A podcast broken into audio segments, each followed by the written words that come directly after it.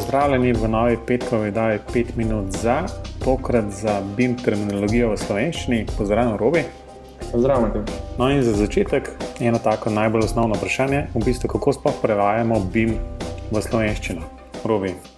Eno od vprašanj, s katerimi se vedno srečujemo, je, kako se sploh BIM prevaja v slovenščino. Tudi v dokumentih, v slovenskih dokumentih, v raznih smernicah, pa to se vse posod pojavlja kratice BIM. Um, BIM, ne, po angliško bi ne bil to Building Information Modeling, kaj ne, Mateoš? Ja, res je. Ja. Uh, zdaj se pojavlja tudi management, pa še en kup enih drugih izpeljank, ampak nas pa danes zanima, kako se to prevaja v slovenščino. In najprej se je to prevajalo kot informacijsko modeliranje stavb. Potem se je to ugotovil, da je to mogoče malo prevozek, prevozek termin, prevozek opis, ker bi imel vse en več kot zgolj stavbe. Imamo tudi vem, infrastrukturne objekte, mostove, najprej se govorimo o mostovih. Ne? In se je potem to kar naenkrat začelo prevajati kot informacijsko modeliranje zgrad. Se pravi, od stavb smo prišli k zgradbam. No, in v zadnjem času je pa tudi na pobudo slovenskega združenja Sibim, uh, se je pa to začelo uvajati kot informacijsko modeliranje graden, ki je pa še širši termin od, prejšnjih dveh, to pa zato, ker se BIM uveljavlja tudi v infrastrukturi. A mi še slediš?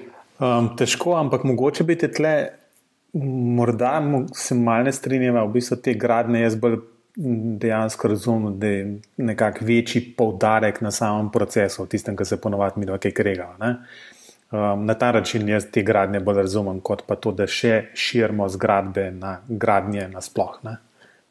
Mogoče res, ampak se pa verjetno oba strinjava, da je to še širše. Absolutno. No. Um, kar je zanimivo, ne, kar smo ravno kar ugotovili, da je tudi združenje Sibim. Kakš, kakšno je ime združenja Sibim? Če to moram skoraj pogledati, ampak če sem si prav zapomnil, to slovensko združenje za informacijsko modeliranje v gradbeništvu torej so se elegantno izognili prevodu, eh, ali pa mogoče so si pustili odprte roke za, za kakšen prihodni termin. Kakšen je pa zaključek? Ja, če pozamemo, pravilno poimenovanje bi trenutno, oziroma ne trenutno, bomo rekli, ker zaenkrat je pravilno poimenovanje informacijsko modeliranje grada. Uh, še vedno nekateri uporabljajo zgrad, stavb pa praktično nihče več. Če bi sam osebno karkoli prevajal, trenutno bi prevedel to kot informacijsko modeliranje grada. Ali je to tudi v tistem dokumentu, ki, so, ki ga je CBIM skupaj z drugimi pripravljal za, uh, oziroma ta priročnik, BIM priročnik v Sloveniji? Ta priročnik še ni javno dostopen, mislim pa, da so noter to prevedli kot graden, tako se pravi informacijsko modeliranje graden. Ok, skratka, ugotovili smo, da se te stvari spremenjajo. Očitno, um, ko se določene stvari začnejo delati, se jasno, morda nazaj pogleda, kaj, kaj je bilo pametno poenovati in na kakšen način. Informacijsko modeliranje graden je tisto, kar je ta zadnja zadeva.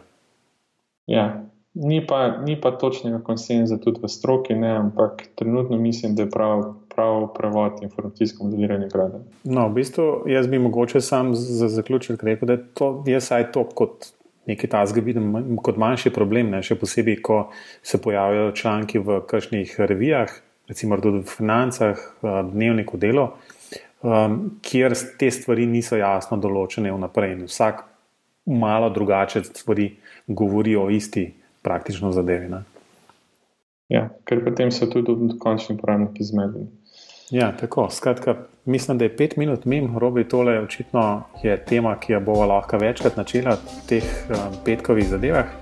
Um, upam, nagovarjam poslušalce, da nam sporočijo, ali so s tem zadovoljni, um, jih to zanima, oziroma pač, da se te petkove oddaje v teh petih minutah zanimive in jih je koristno, da jih počnejo še naprej. Um, za danes pa, robi, adijo. Adijo.